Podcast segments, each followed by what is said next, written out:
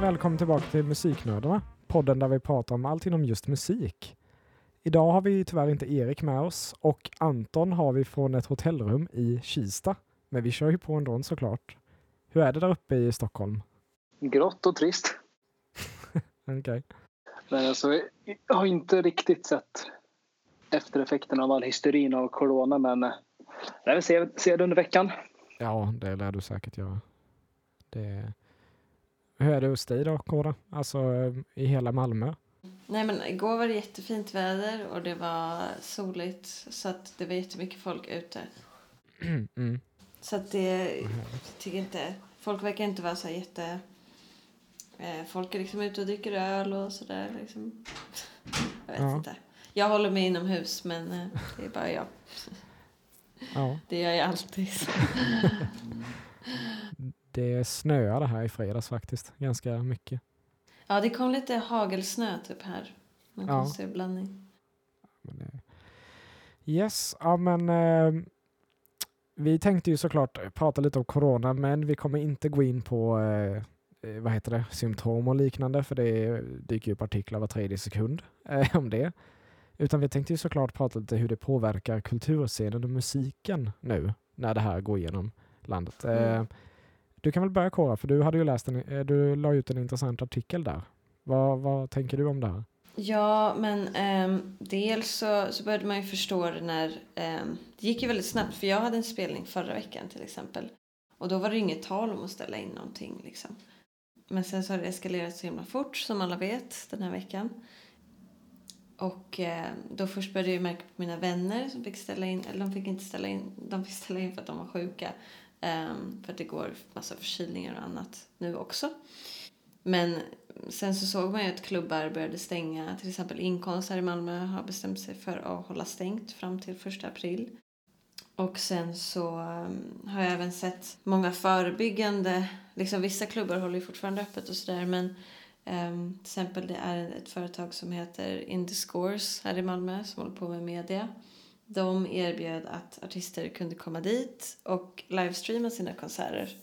Och så ska de försöka samla in pengar då så att folk kan få betalt. Det tyckte jag var skitbra. Och det är lite förebyggande just för att man vill att folk ska, alla, eller många har förstått att så här, det är bäst att hålla sig inomhus även om, om klubbar är öppna liksom. Och um, som vi har pratat om mm. under veckan att det är jättemånga artister som ställer in sina tours och sådär eller många evenemang överhuvudtaget som ställer in. Liksom. Mm. Och eh, Folkhälsomyndigheten har ju gått ut med att man måste stänga ner alla evenemang med eh, över 500 pers, vilket jag tycker är ganska mycket. Så jag tycker det är bra att kulturutövare har ändå ja. tagit saken i egna händer lite grann och begränsar även mindre evenemang. Ja, eh, jag, eh, jag skulle ju på en konsert nu i slutet av mars med Lamb of God, Creator och Powertrip, men den är ju framskjuten nu eh, på grund av detta. Är den. Eh, så det, ja, det är många. Jag har ju sett massa med band i USA har ju ställt in sina turnéer och i Sydamerika såg jag till och med nu. Fast där vet mm. jag inte om det har spridits så mycket, det är nog bara i förebyggande syfte. Så allting ja, är ju på paus egentligen. Ja, exakt. Och det är ju det är egentligen katastrofalt ehm, för, för den här industrin. För att man har kanske inte riktigt råd att liksom bara skjuta fram grejer eftersom då blir det andra evenemang som måste skjutas upp. Liksom. Ja, alltså såklart när man snackar om band som ja, men, eh, till exempel Green Day ställde in sin turné i Asien. De är ju många miljonärer så de tar ju inte världens smäll där. Men Nej. det är många små band som tar en ordentlig smäll mm. för det här. Precis. Mm. Ja, och eh, jag länkade ju där en artikel till er eh, om att, eh, ska vi se vad han heter, Gunnar Ardelius som är verksamhetschef på Ideell kulturallians vill att regeringen ska försöka förbereda det här, för det här. Liksom att om det här blir långvarigt och det blir värre, det vill säga att folk måste ehm, verkligen hålla sig inomhus, då kommer ju vi som håller på med kultur verkligen drabbas väldigt hårt. Ehm, och att han vill ju då att det ska finnas liksom ett, ett krispaket. Um, så att vi klarar oss för att annars kommer vi, alltså festivaler kommer gå i konkurs, musiker kommer inte kunna göra musik. Det liksom, uh, jag förstår att det är kanske inte det som regeringen tänker på just nu men, men det är ett verkligt problem. Det, um, vad heter det? Ja, det hände ju det. Det kan ju du berätta lite Anton om där, men eh, Jonas Gardell och Mm. eh, ja, nu glömde jag bort den andra, Attan. Eh, ja, de, de har ju fått kritik. Mm. Ja, för de hade ju, jag vet att Gardell hade ju någon show borta i Täby på något gymnasium, jag tror Tibble teatern där borta. Den, det är en ganska stor teater. Och eh, jag tror att de inte lite över 500 pers. Men då hade, och det här är samma sak för Östnöjen fast han hade i Jönköping. Då gjorde de så att de splittrade showerna på två istället för att de ändå skulle kunna genomföra dem. Men det verkar som att de faktiskt ställde in konsert, eller konserterna, eh, showerna helt och hållet för den kritiken de fick. Ja, alltså jag förstår som, som vi precis sa. Jag förstår att vissa känner att de måste kanske genomföra grejer för att de behöver pengarna. Men samtidigt så här, eh, det är så oansvarigt tycker jag. Eh, det finns ju de här två lägren liksom att de som tycker så här, nej men stanna hemma nu liksom. Det, gör det. Och sen finns det här som bara, men fortsätt leva som vanligt. Och jag tycker att det är svårt för att man ska inte få total panik men, men samtidigt jag tycker att det här är att dela upp konserten i två vad kommer eller så här hur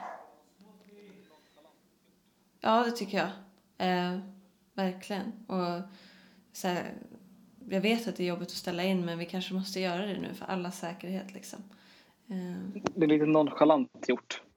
Ja, tycker jag med.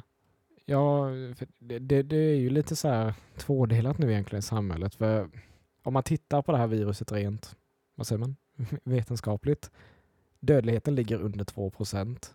Eh, över 70 000 av de som har blivit infekterade är nu friska. Så länge man inte är över, jag tror de har sagt 65 eller 70, om man inte har en underliggande sjukdom, då är man inte i riskzonen. Du kommer få en förkylning. Men det är inte det som är som vi försöker skydda oss ifrån. Det är ju, vi vill ju inte sprida det till folk som kan dö av att. Det är Nej. lite, och det handlar ju om att minimera belastningen på sjukvården också att så här, ja, blir du inte, går du inte ut så blir du inte sjuk och du smittar inte. Liksom. Så simpelt. Nej, men det här om så här konserter och festivaler som ställs in. mm. Alltså det är så här, Coachella har ju skjutits fram nu till typ oktober tror jag. Mm. Uh, Ultra-festivalen i Miami har ställts in helt och hållet i år. De kör nästa år istället. Mm. Tomorrowland hade, hade förra året startade de en vinterfestival i Frankrike. Den är inställd. Mm. Så det, alltså det, det tar ju en jävla smäll. Det här, det här. Mm. Men sen läste jag också någonting väldigt bra från Magnus Bettner tycker jag. ehm, som jag även har ehm, sett från andra håll. Att det är så många som klagar nu till exempel att de inte får pengarna tillbaka. Och att det är så här, det är vanlig ångerrätt som gäller liksom. Um, men där tycker jag så här, okej det är jättetråkigt. Och um, för folk som har dålig ekonomi kanske är väldigt jobbigt. Men om man ser till majoriteten så har, som kanske inte har jättedålig ekonomi så är det ju så som, som Magnus Bettner sa då att så här, de pengarna har du redan spenderat. Eh, så se det som istället en, en donation till kulturlivet så att, så att det kan fortsätta. Var inte så himla så sura för att det här är för allas bästa liksom. Och eh, de där 500 spännen liksom, ja men se det som, som en god gärning istället liksom. Mm. Ehm, och jag tycker verkligen det att så här, ehm, det var någon som hade postat om Öland Roots också så här, får man tillbaka pengarna om man köper biljett nu och festivalen stängs in? Och då hade min kompis svarat exakt likadant att så här, ehm, jag förstår hur du tänker liksom, men, men försök att tänka också på att vi måste fortsätta hålla kulturen i rullning och det här är det enda sättet liksom. Ja. Ja, så jag vet ju att de som skulle ha gått på Ultra i år. För det Mm. var, alltså, jag tror det var samma, men i det så här, som uh, Ultra gjorde så sa de det att ni som hade biljetter till i år, de gäller nästa år också. Ja. Nej men det är en jättebra lösning. Det fick jag ju ett mejl från Lamb of God, liksom direkt håll, håll tag i din biljett, vi kommer göra den här konserten i höst. Mm. Så det är ju det är ofta så. Eh, jag vet Rage Against the Machine har ju skjutit upp första delen av sin återföreningsturné nu. Eh, till senare delar av året. Ja. Just på grund av det. Och det, det är just det, vi, vi vet ju inte hur det är. Det, det kan ju vara om, om en månad så är det borta. Så kan det ju vara. Mm. Det, ja. Men vi sa något intressant precis innan vi började spela in. Hur, för n- ni har ju inte undvikit hur folk eh, panikhandlar till liksom massa toapapper och sånt. Eh, det har vi alla varit med om, men jag har sett i affären att Mm. de kör toapapper, chips, läsk och sånt köper de med så här konservmat och sånt. Äh, det låter de vara. men ändå. Ehm, ja, nu tappar jag bort mig bara för att jag gick in på eh, lite sidotråd där. Var jag för någonstans nu igen? Eh, ja, men du pratade om hamstring och, och någonting som vi sa strax innan vi började. Ja, ehm, det var ju för ungefär, vad blir det nu? 11-12 år sedan när svininfluensan var eh, igång. Som var en mycket dödligare, eh, ett mycket dödligare virus, en sjukdom. Men eh, där hände inte alls det här. Utan Nej, då, då, det är eh, jättekonstigt. Ja.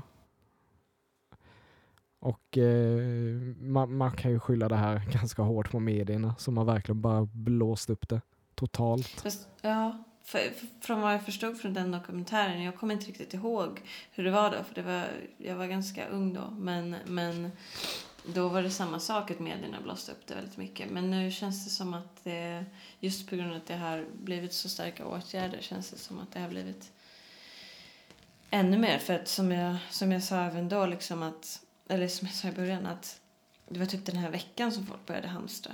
Liksom. Mm. Eller i USA började de tidigare, men det är USA. Det är USA. Det är så det. Vi, Ja. vi diskuterar inte dem liksom. Nej, Nej. typ. Nej, jag är ju med i en hel del såna här preppergrupper på Facebook. Mm. Ehm, så där började folk diskutera det här redan för en månad sedan. Liksom. Men, men nu gör ju Ja. alla det så att säga. Alltså, jag tycker det är sunt att ha lite extra konserver hemma och sånt. Det är bara bra att ha det. det är, När som helst. Ja, jag har alltid det. Mm. Jag har inte åkt Precis. iväg och panikhandlat. Det behövs inte. Liksom. Nej. Nej, men det är det jag menar. Att, att preppa i en eh, lagom nivå ehm, hela tiden tycker jag är, en, är det bästa. För att då behöver du aldrig... Det här behöver inte hända liksom. Ehm, Nej, ja, men ehm, vi ska inte diskutera för mycket om corona för ni kan ju läsa det överallt nu. Det jag kan Mm. säga är ju såklart tvätta händerna och gå inte ut om ni är sjuka. För även om vad heter det, ungefär vad blir det, 70-80 procent inte är i riskzonen så finns det de som är i riskzonen. Så det visar lite omtanke. Slicka inte på din grannes dörrhandtag. Förstörde du min söndagskväll? Ja, ja, Ja. Stötta kulturutövare. absolut. Gå, alltså för sådana som har ställt, fått ställa in sina, turnéer, köp deras musik eller merch och om ni inte har råd med det, dela deras musik i alla fall. Det ger jättemycket. Yes. Det, 100 procent. yes, ja, men då eh, släpper vi det här corona och går vidare.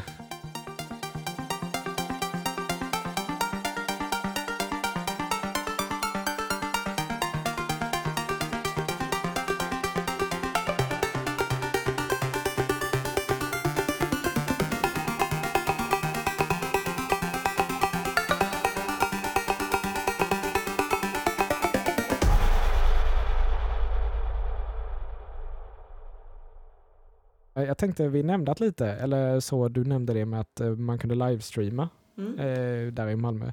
Så jag tänkte vi kunde snacka lite om nya sätt att släppa låtar slash plattor. Jag vet också att band jag gillar, Code Orange, de släpper ju sin nya platta nu på fredag och de kommer ju livestreama från en record store. Liksom så att folk kan se utan att behöva lämna hemmet. För det, ja, men det har ju blivit lite så här nya sätt att släppa album. Vi- Vilka nya sätt har ni sett så här? Som har kommit de senaste åren? Ehm. Ja, Till det. exempel, jag kan ju börja, jag vet eh, Donald Glover, eh, a.k.a. Childish Gambino, han släppte en ny platta igår eller någonting. Och den släppte han ju utan förvarning och den går bara att lyssna på, hans, på en hemsida. Och det är ett ganska nytt sätt. Mm. Så, ja, men, typ Eminem som bara har släppt två album out of the blue från ingenstans. Tror ni att det här är en trend som kommer fortsätta eller är det något tillfälligt? Jag tror att Donald Glover just att han kanske tog tillfället i akt lite nu när folk är i karantän liksom att ehm, nu har folk tid att verkligen sitta och lyssna på album så som, så som man själv vill som artist att folk ska lyssna på album. Ehm, Mm. Sen funderar jag på om, ehm, om han liksom av god, god vilja har släppt det bara på den här hemsidan. Men jag tänker lite på honom själv. Hur tjänar han pengar Liksom. Eller får han streams? Han kanske inte känner att han behöver pengar, streamingpengar. Nej, han gör ju massa annat också. Ja, ja. Ja, det finns säkert något underliggande som, ger hon, som tjänar på det där. Frank Ocean släppte ju något sorts album, visuellt album på någon Ja. hemsida liknande sätt. Eh, och jag tror att, men det var massa grejer omkring det, att han hade fått pengar från skivbolag för att göra albumet och han hade inte fått göra det på det sätt han ville så det här var någon sorts fuck you till dem tror jag. Sen, sen, sen släppte han eh, sitt andra album också. Eh, men det var ju väldigt eh, jag kommer ihåg för att folk hade ju väntat hur länge som helst på hans album. Flera, Mm. flera år liksom. Och sen släppte han bara den här jättekonstiga visuella eh, albumet typ som man bara va? Mm. Kommer ni ihåg vad någon konstig album Miley Cyrus när hon släppte det här Miley Cyrus and her dead pets? För typ Nej. fem år sedan. Ja, men det, det var typ ett, ett eller två år sedan efter hon släppte den här Bangers-plattan, ni vet We Can't Stop och Ja. ja. ja. Och då var det, det finns ett band som heter The Flaming Lips. Det är typ psykedelisk popband. Och hon gjorde typ en collaborative platta, hon sjunger och de spelar musiken och det är typ bland det sämsta musik som går att göra. Typ eh, singeln Do It, det är hon som sjunger Yeah I smoke pot, yeah I love peace but I don't give a fuck. I ain't no hippie. I fyra Ah. minuter. Eh, och det är så också bara jätteweird platta att släppa. Och den fick ju bara dålig kritik men det var ju ändå ett nytt sätt att göra musik. Eller så här släppa musik. Ja. Så jag har aldrig hört talas om det där albumet ens. varför var det ett nytt sätt att sl- släppa ett album?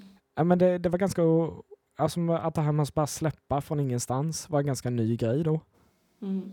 Och sen också att hon gick så jäkla långt ifrån det hon brukar göra. Mm. Ja, Rent konceptuellt så tycker jag det är fett att bara så släppa något jävla projekt och bara I don't give a shit. Typ så här. Men, men sen att det inte var bra är ju en annan femma liksom. Jag är inte jätteförtjust i Miley Cyrus liksom, rätt generellt. Men, men jag gillar den grejen att man så här, testar nya grejer liksom. Mm. ja absolut.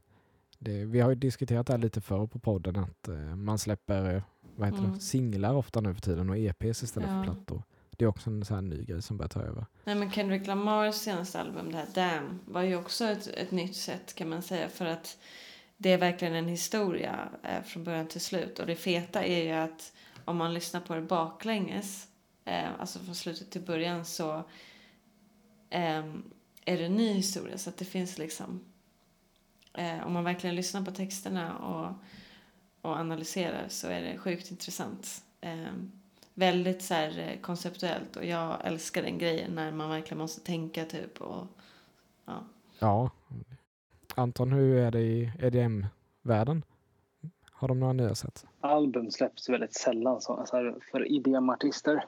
Den enda jag kan tänka mig är väl typ så här Deadmau5 som släpper album. Mm. Men alltså det finns inte direkt några tydliga tydliga så här nya saker. Jag kan tänka på vad heter de? The Chainsmokers. De ändrar typ stil för vart. De har släppt tre album nu tror jag. Och de har ändrat stil för varenda album de har släppt. Mm. Men det är fett alltså. Ja, det är kul. Tänkte lite på det här med nya albumset. Det var, vad heter han? Lil Uzi Vert, heter han så? Mm. Släppte ju för, förra veckan sitt, ett jävligt efterlängtat album från Svens Eternal Take. Som jag tror har varit snack om det i typ tre år att det ska komma Mm. ut. Och sen, eh, ja men folk tyckte att det var jävligt bra. Sen så i fredags släpptes Eternal Take Deluxe.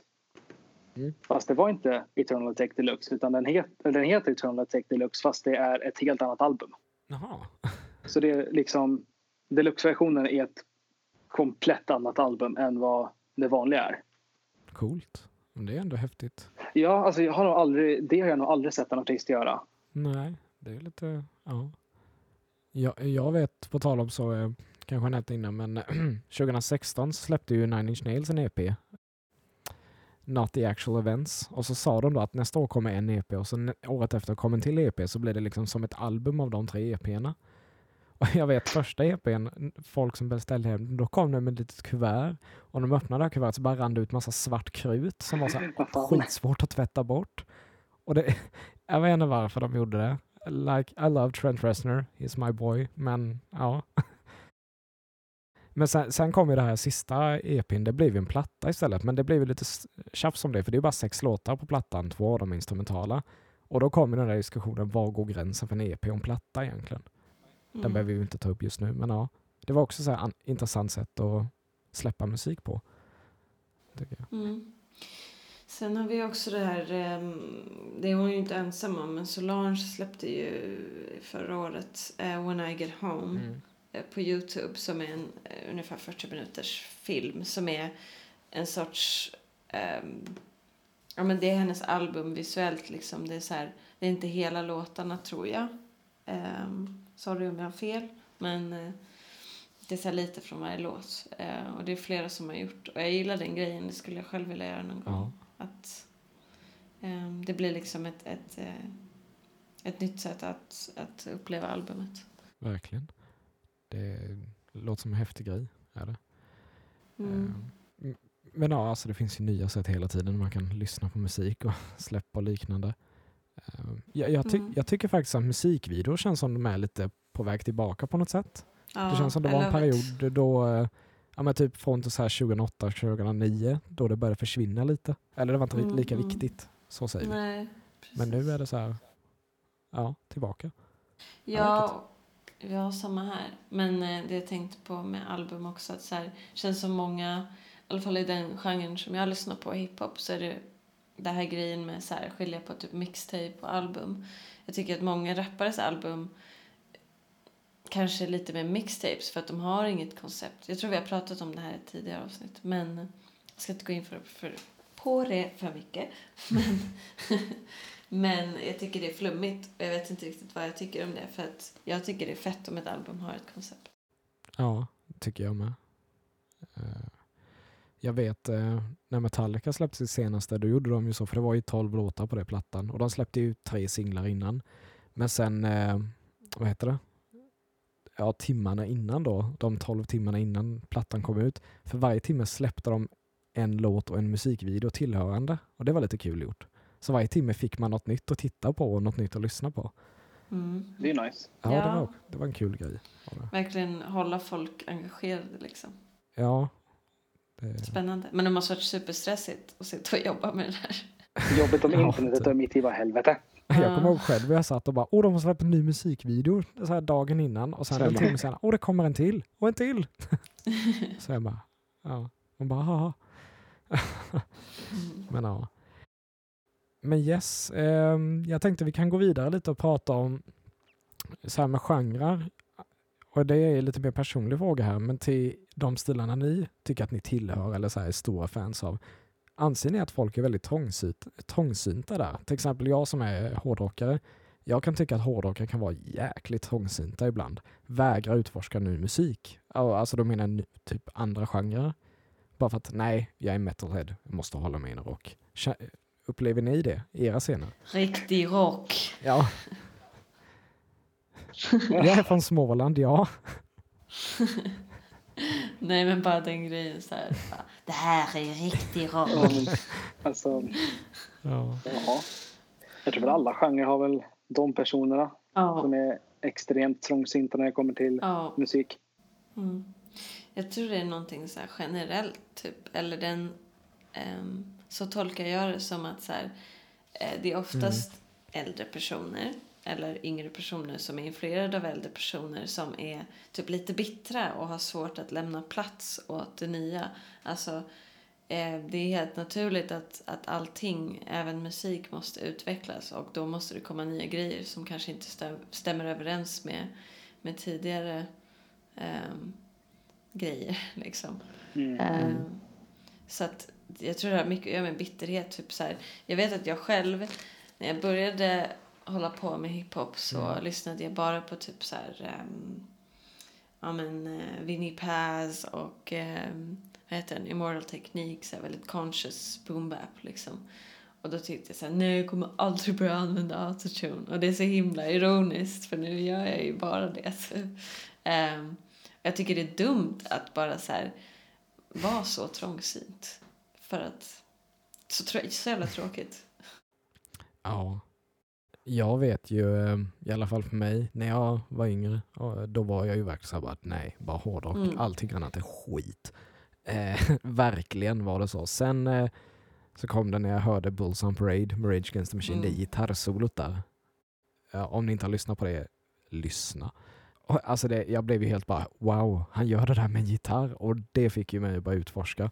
Precis. Och, eh, alltså jag är fortfarande en inbiten hårdrockare såklart. Men nu, ja, jag lyssn- tycker om elektroniskt, jag kan tycka om hiphop. Det, det är kul att utforska nytt tycker jag. Mm. Där väckte du ett eh, lite förglömt minne hos mig. Jaha, let's hear Fram it. till 2010 Ja. så hatade jag Eminem. Jag klarade inte av han Va? hiphop eller något sånt. Du, okej, ja, ja. Det låter helt otroligt. Ja, det, jag trodde aldrig jag skulle höra Anton säga jag hat, alltså ordet Eminem och hata i samma mening. Ja, Men det var väl där Ja. någonstans runt Recovery som jag faktiskt här började lyssna mer på texterna och känna bara okej, Mm, det här hiphop är inte bara, mm, hur ska man säga, den här men jag var väl mycket, just då var det mycket så här svensk hiphop, så här kartellen och det jag hat, har jag aldrig gillat. Och jag drog väl någon så här generell uppfattning om att all hiphop är så, Mm. vilket Ja. det verkligen inte är. Nej, och det är Mm. väl det det har att göra med typ trångsynthet och att man typ Ja. är ja. Ehm, man tror att det bara är en sak. Man kan inte se nyanserat på det. Jag hade ju exakt samma sak när jag var typ så här 15 och um, sjöng lite i ett punkband, lyssnade bara på punk och alla jag umgicks med sa ju så här, men hiphop är bajs, hiphop är skit liksom. Ehm, och då var det bara så här grupptryck att man bara, ja men jag tycker också så. Och sen så kommer jag ihåg att jag hörde Can I kick it med A Tribe Called Quest och jag bara vad är det här? Typ så här, typ så här, den känslan som den låten gav mig var bara så här this is amazing. Alltså vad har jag gått miste om liksom? Ehm, så den låten verkligen öppnade mig. Men det är ju så, alltså, och jag tror vi har pratat om det att så här, när folk bara, men vad lyssnar du på för musik? Och det är så här, nu när man själv vet att så här, jag kan hitta en låt inom vilken genre som helst Mm. ehm, som jag gillar. Eh, även om jag kanske, alltså till och med inom ba- dansband skulle jag kanske kunna hitta en låt som jag bara, den här har en vibe liksom. Så det blir så här konstigt att säga att man säger nej men jag lyssnar bara på hiphop. Det är ju så här, gud vad tråkigt. Mm. Nej, men någonstans känns det som att, hur ska man säga, bara lyssna på en genre hela tiden låter ju skittråkigt. Ja, verkligen. Också så här, om man gör musik själv så tror jag att man kommer göra mycket bättre musik om man lyssnar på olika typer av musik. Ja. Mm. Definitivt. Eh, Ja, alltså jag, har ju märkt också så här hur jag har även expanderat inom rock. För typ om vi går tillbaka till där när jag hörde Rage Against the Machine, typ dödsmetall hatade jag. Jag tyckte det var rent skrik. Men nu, ja, ja men jag tycker dödsmetall är skitbra verkligen. det Nu är det bra lyssna- skrik. Ja, nu är det bra skrik. Nej, men alltså så här, det, ja, så det, jag känner att jag expanderat mycket så. Men eh, Mm. alltså, om någon frågar mig vad gillar du för musik, då kommer jag säga att ja, jag är hårdrockare främst, för det är jag. Men eh, jag, s- Ja. som du sa ja, jag lyssnar bara på rock. Jättetråkigt ju. Eller ja, just det, Mm. jag, jag är kalmarit. Riktig rock, måste jag ju säga. Ja. Ja. Nej men ja, det är ju kul, ja, men typ på 80-talet så var det ju så. Då var det ju så två läger inom musik. Antingen gillade du synt eller hårdrock. Du fick inte gilla båda. Alltså så var det bara. Liksom. Ja. Och jag vet min mamma växte upp, hon växte upp med två bröder. Hennes ena bror var syntare, hennes andra bror var hårdrockare. Så de bråkade så jäkla mycket om det här. så, Så himla ovärd sak att bråka om när man tänker på det så här. Vad, vad, det, vad finns det att bråka om? Det så här, ja. ja. Ja, lite roligt. Nej, ja men alltså det, det vi kan ja, säga som avslutning egentligen är att det är såklart man har preferenser och om man bara gillar att lyssna på pop, det, det är såklart man ska göra det. Det är inte det att vi sitter och säger att ni är dumma.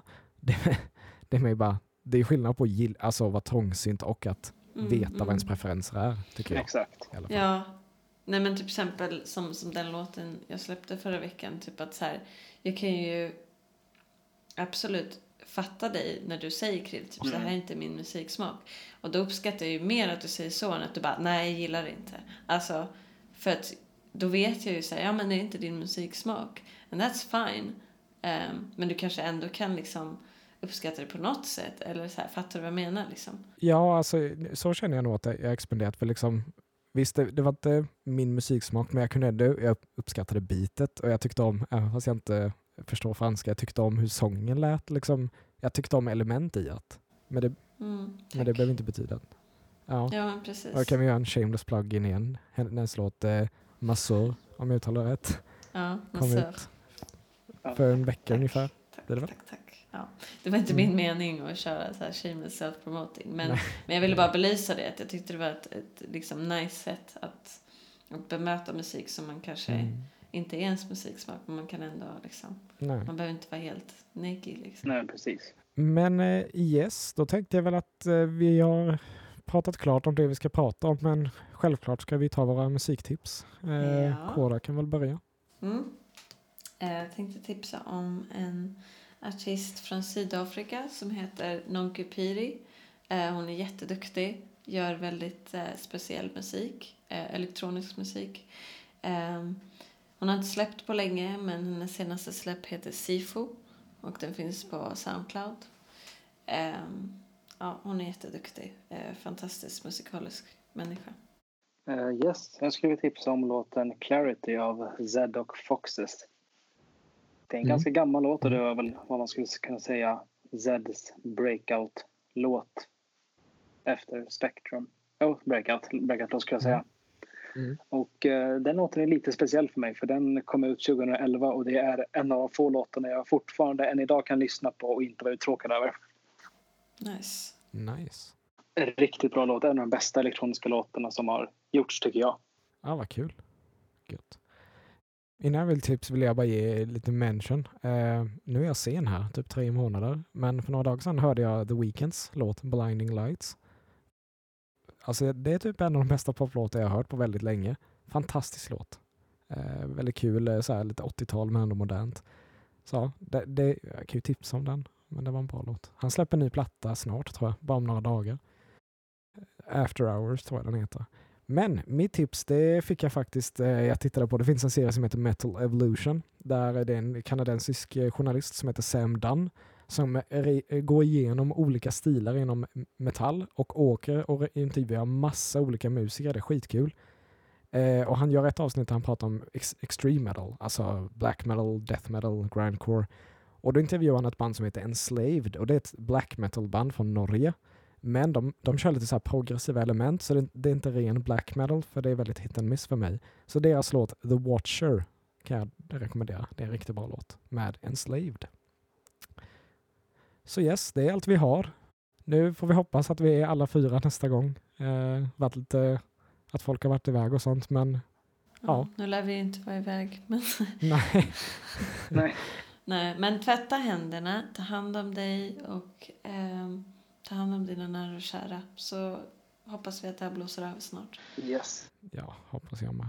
Ha det så bra. Ciao! Bye, ja. Hej.